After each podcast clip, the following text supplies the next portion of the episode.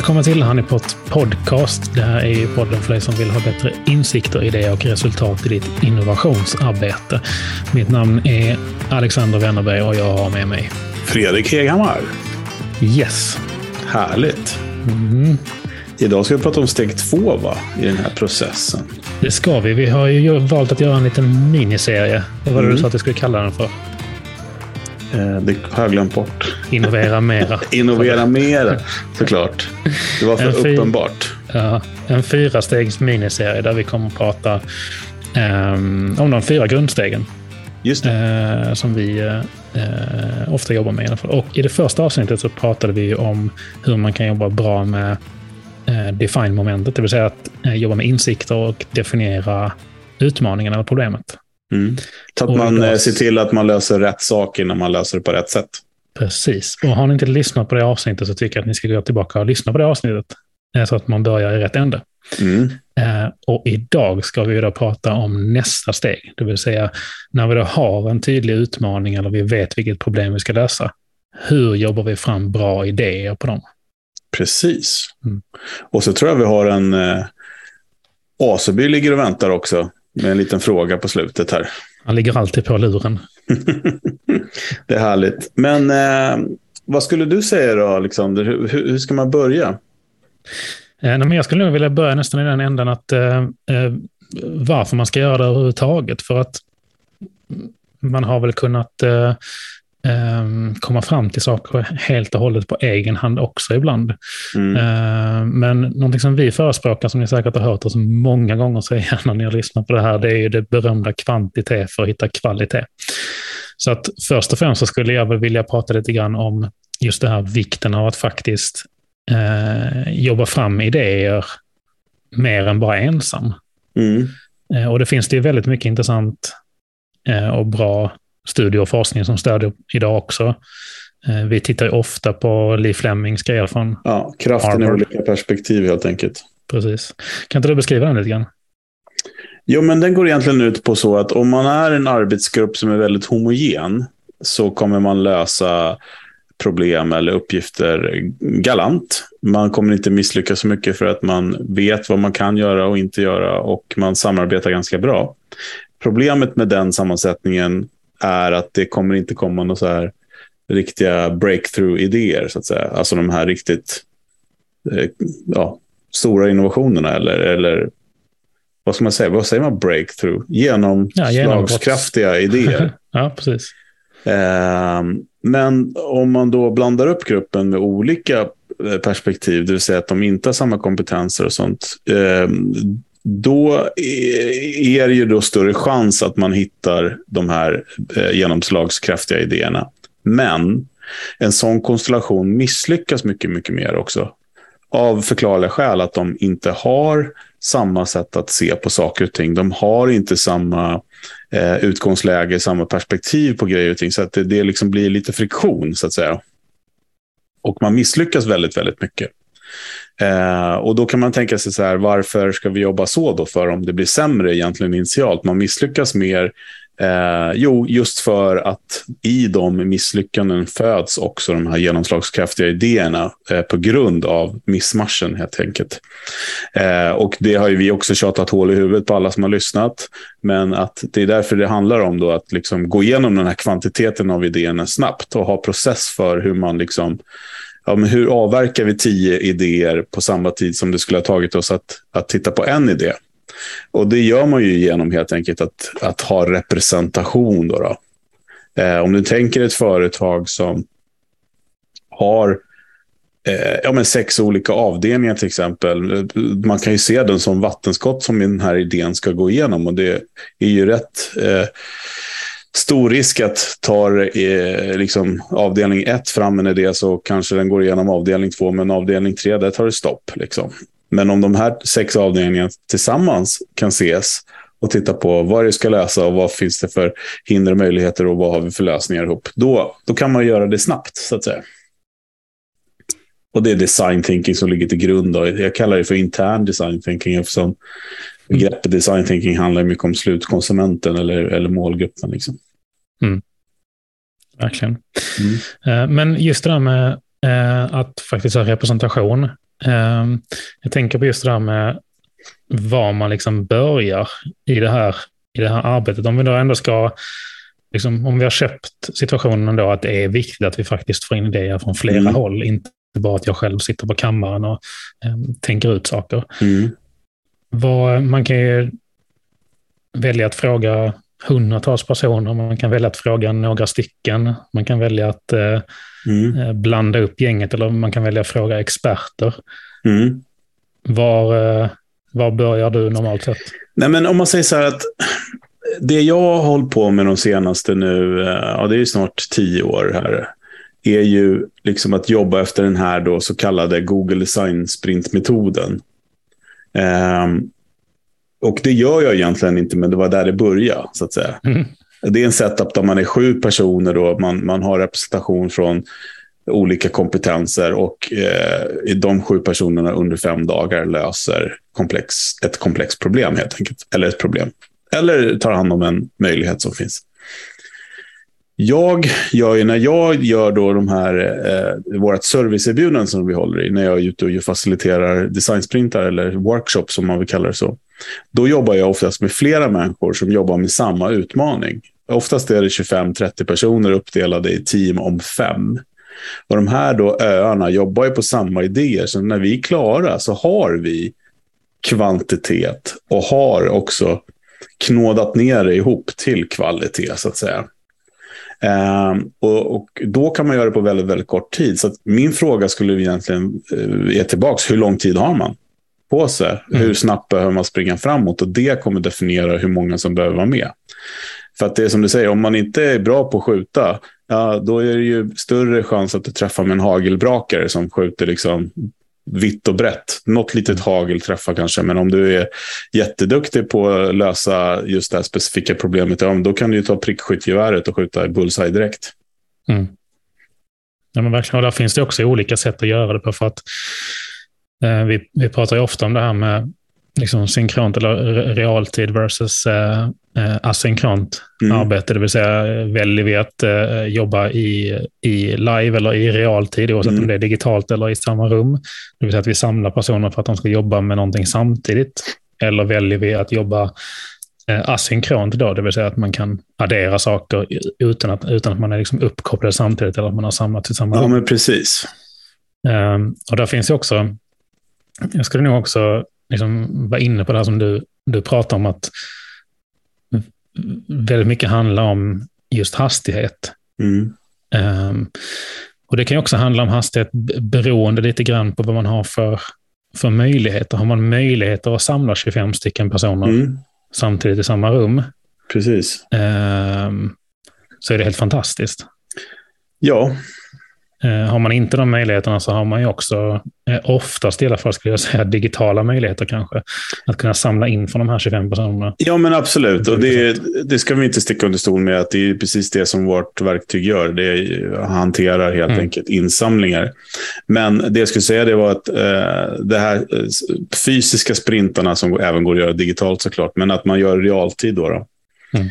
Eh, det är ju så att i en sån process, om jag jobbar en, en hel dag, just det här momentet att ta, att ta fram idéer som vi jobbar vidare med sen. Vi kommer ju till det sen, vad, liksom, hur, hur, man liksom jobbar vidare. Men just det här att samla in idéer, det lägger jag ju i mitt längsta format tio minuter på. Mm. Alltså att alla då i rummet eller på Teams eller Zoom eller får ju individuellt då ta fram minst tio idéer var på tio minuter. Själva idégenereringen liksom. Exakt. Ja. Och folk blir väldigt förvånade över att det räcker. Och bara, ja, jag skulle behöva mer tid till det här. Jag bara, det kommer inte bli bättre. Så är det. Ja. Utan sen då när man då sätter ihop dem i grupper och bara presenterar de här idéerna.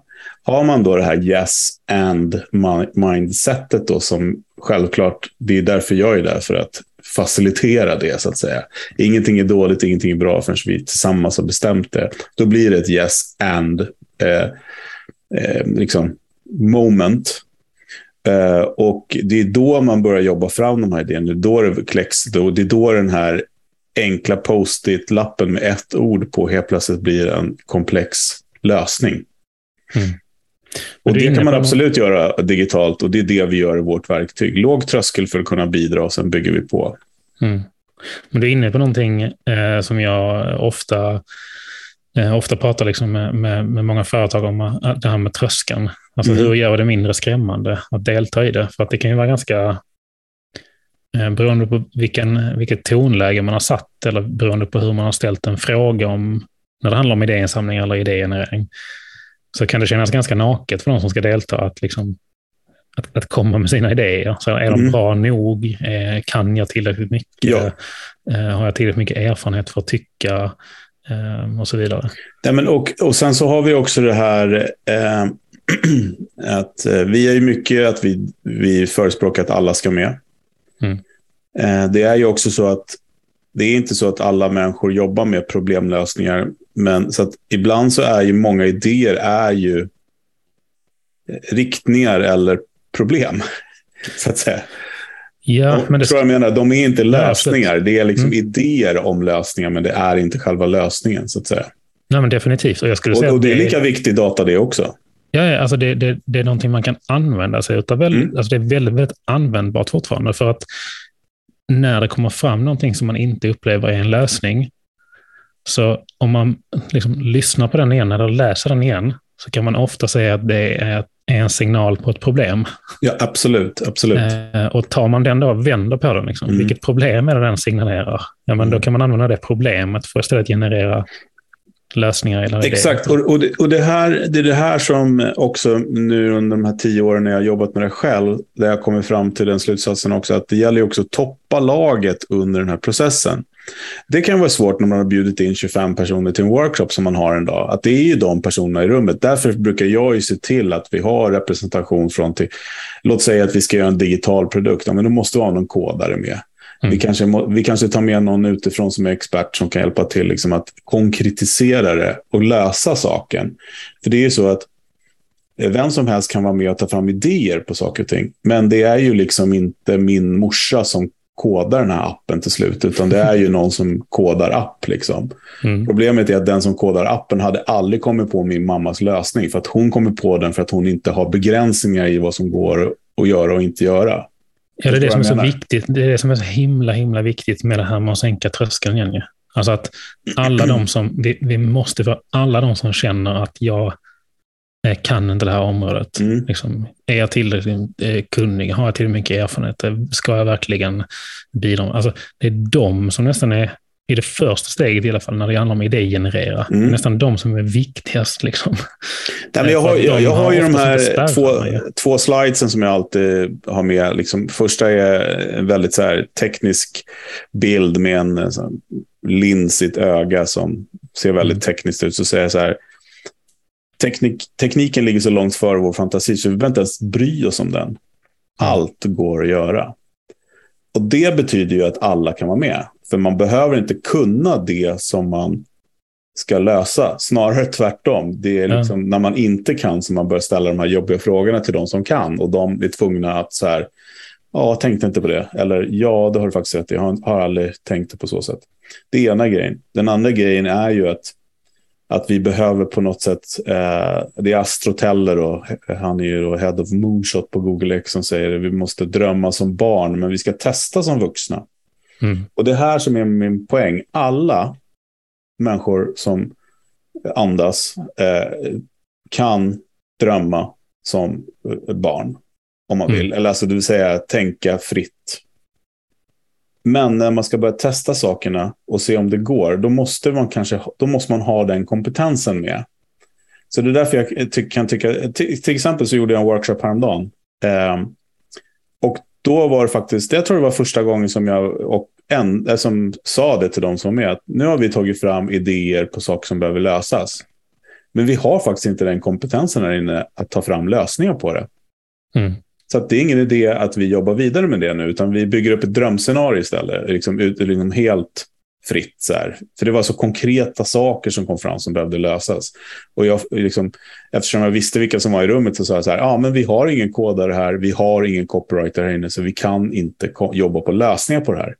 Mm. Och det var ganska, det tyckte de som var med också var, var ganska skönt, för att det var ingen press där. Och de kände ju själva att de liksom inte, vadå, ska vi sitta och skriva copytexter nu? Liksom.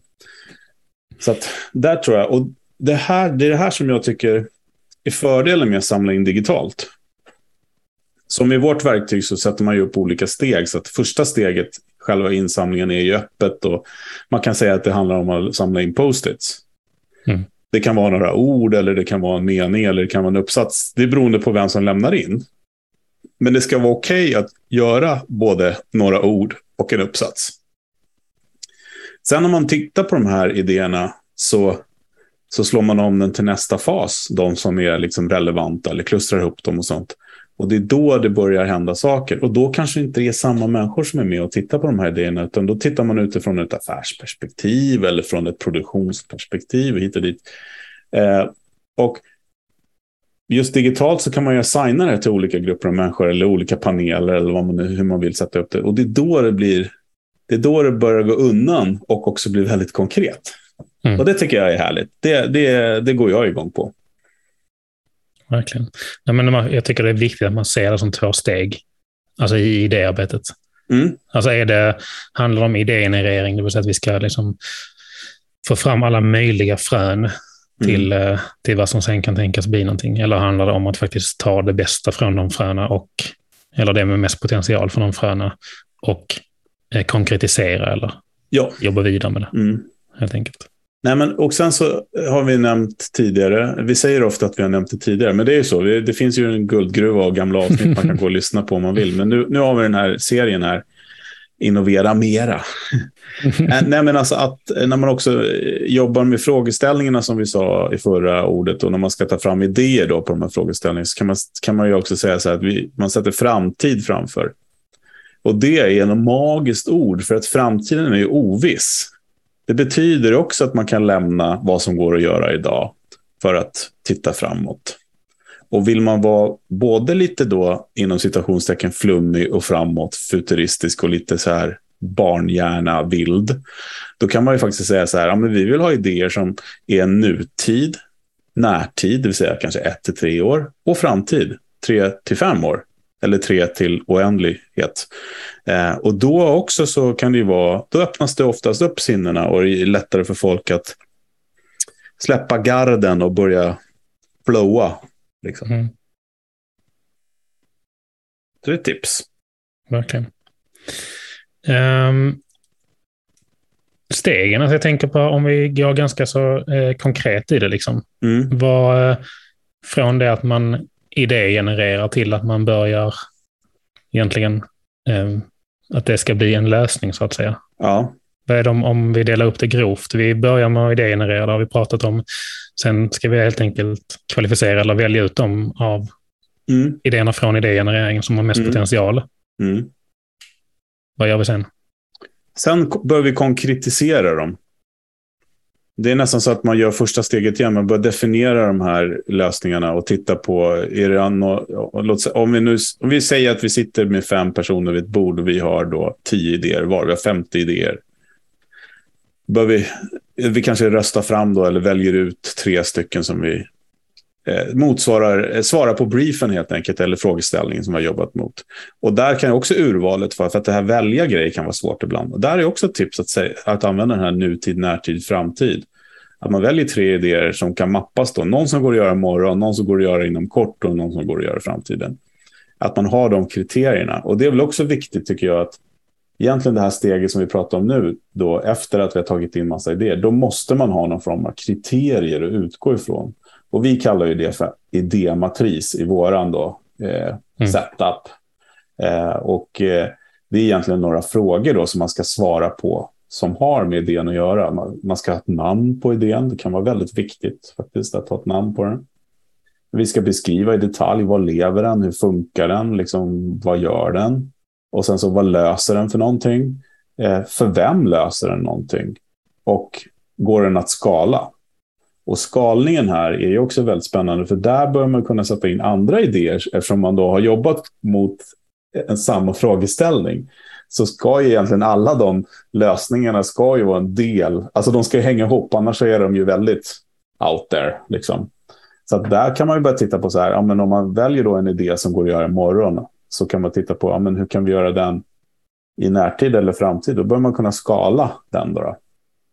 Och är den jättestor i framtid, då kan man titta på vad kan vi göra imorgon och sånt. Så det, kriterier helt enkelt behöver man. Mm. Som ska fyllas igen någon då. Det är det här jag menar att det kanske inte är samma människor som fyller i de kriterierna.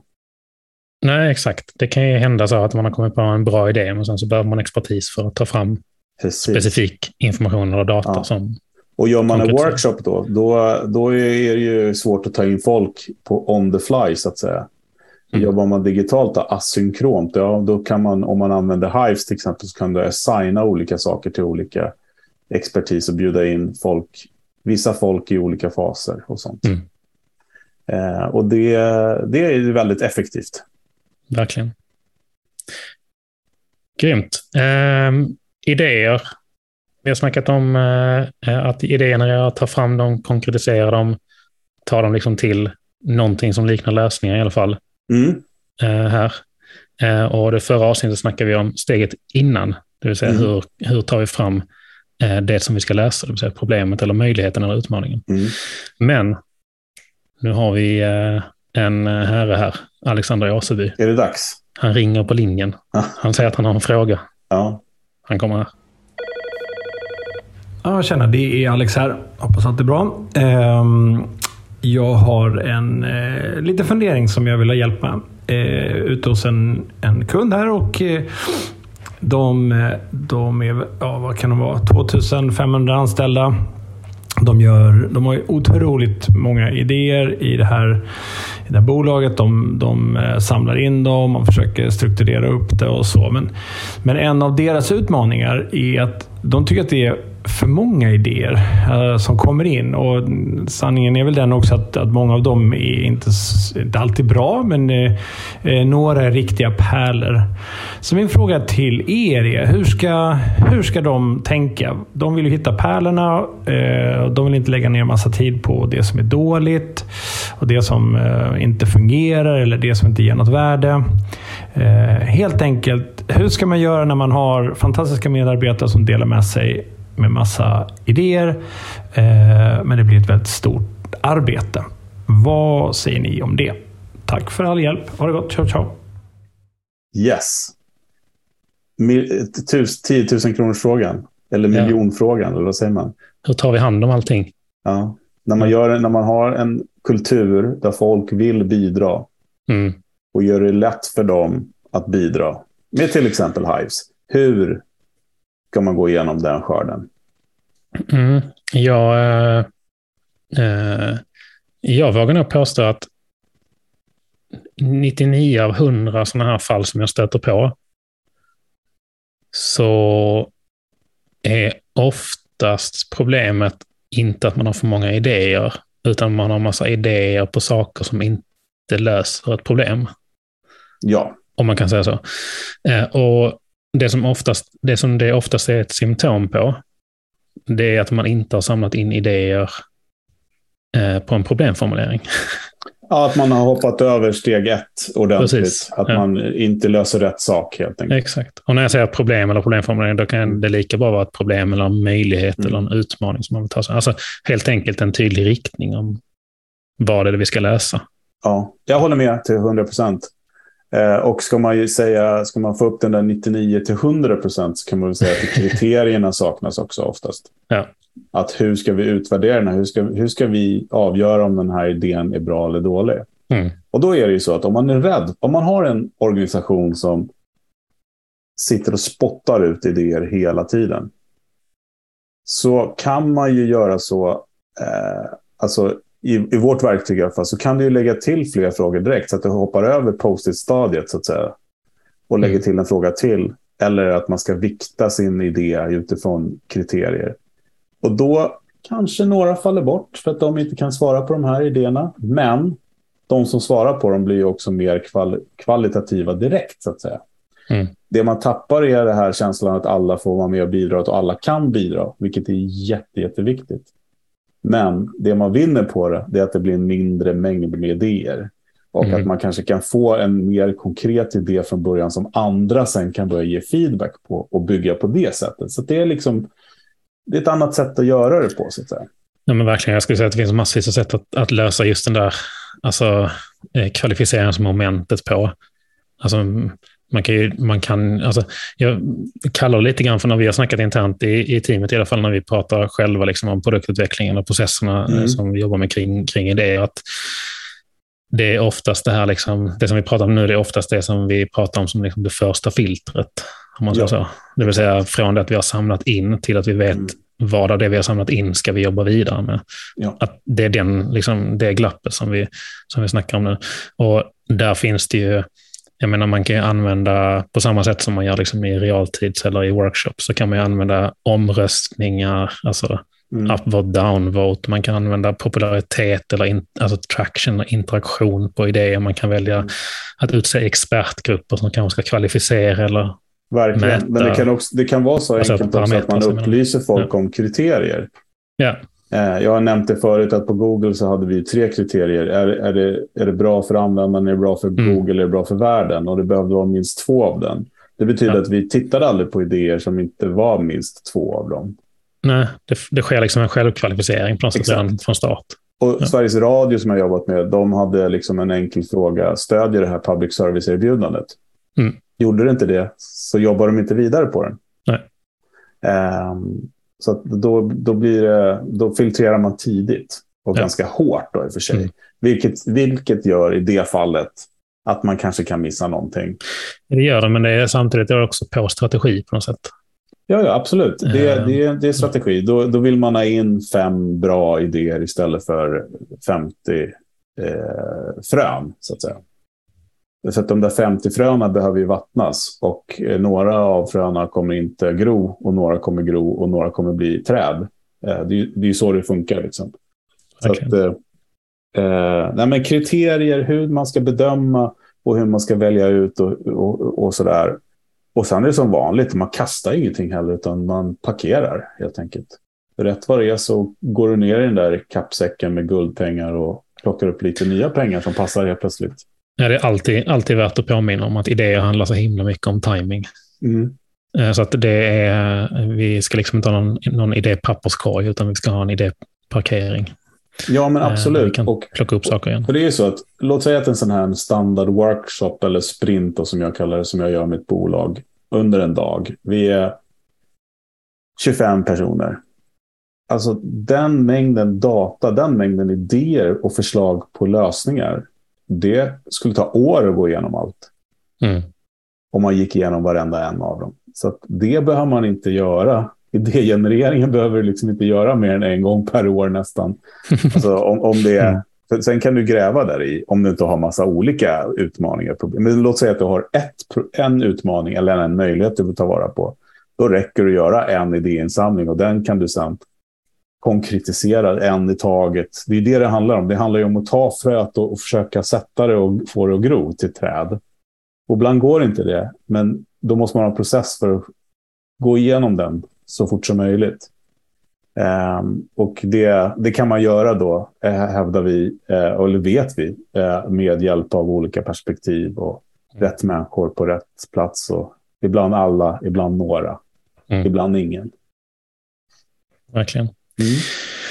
Grymt. Jag hoppas det var svar på, eh, eller eh, input till eh, någon form av lösning på den utmaningen då, eller frågan.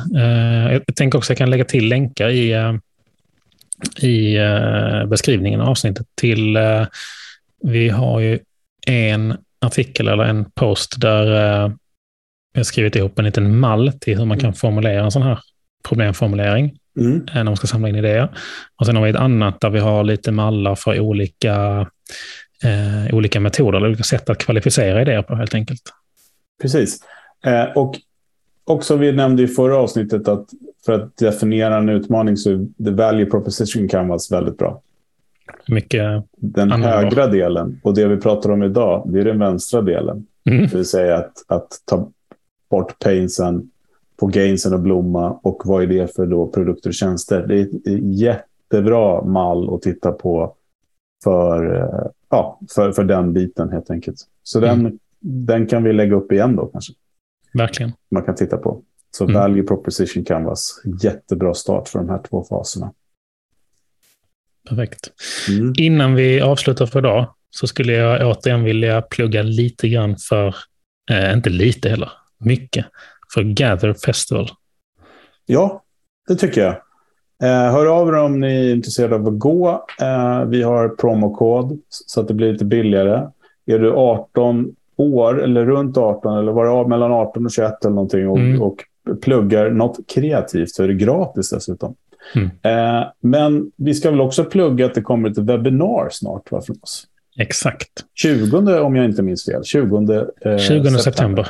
Mm. Exakt. Eh, klockan 12. Så det var lunchen, så det kan alla vara med på. Mm. Eh, det, går, eh, det kommer att vara supereffektivt. Och det kommer handla om just att samla in och prioritera idéer. Och Man kan väl säga att det är en snabbspolning av de här fyra, den här serien. det kan man säga. Precis. Mm. Så att, om ni har någon kollega ni tycker ska lyssna på de här och som inte lyssnar på podd Mm. så kan man titta in där så får man en, en snabbspolning av de här fyra faserna redan den 20. Exakt. Gå in på hives.co så kommer ni få en liten sån plopp eller Mm. pop-up som tips Ja, precis. Och det är ju precis CO då. Inte Exakt. att vi har glömt ämnet, utan det är Nej. CO. Du vet, det är så med alla eh, startups nu för tiden. Va? Ja. kan inte ha Det komadress. var IO förut väldigt mycket. det kanske det fortfarande är. Jo, men IO är nog ganska populärt fortfarande tror jag. Mm. Eh, den har väl också blivit ganska, börjat bli ganska upptagen. Va? Mm. Det Verkligen. svårt med det där så här domänhårdare. Mm. Ja, Alla sitter och äger 100 domäner var. ja, det kostar mycket pengar det också. Ja. Men, eh, och både att ha dem och sitta och hålla på dem faktiskt kostar det. men, men också eh, kostar det att köpa. Jag har gjort några gånger när man har känt att man har varit tvungen. Och Ja. det bär ju emot. Men Det eh, gör det. Trafiken är det vad den är. Men eh, sen kanske, det ska inte det handla om domäner det här avsnittet. Men, men eh, det, är- det är väl kanske lite mindre viktigt idag vad man har för ändelse än vad det var för Ja. tio år sedan. Ja, definitivt. Då var det CO, COM och Netto som var Ja. nu lite annorlunda. Org. Ja, vi får göra en idéinsamling helt enkelt på det här. Exakt. Ja. Ja, men grymt hörni. Eh, jag ser fram emot att spela in nästa avsnitt för då ska vi prata om prototyping. Det ska vi. Något som Det ligger väldigt varmt om hjärtat. Ja, visst. Härligt. Vi eh, ses och hörs nästa tisdag tror jag. Så får ni ha det härligt så länge. Innovera mera så hörs vi. Gör det. Ha det gott. Hej. Hej.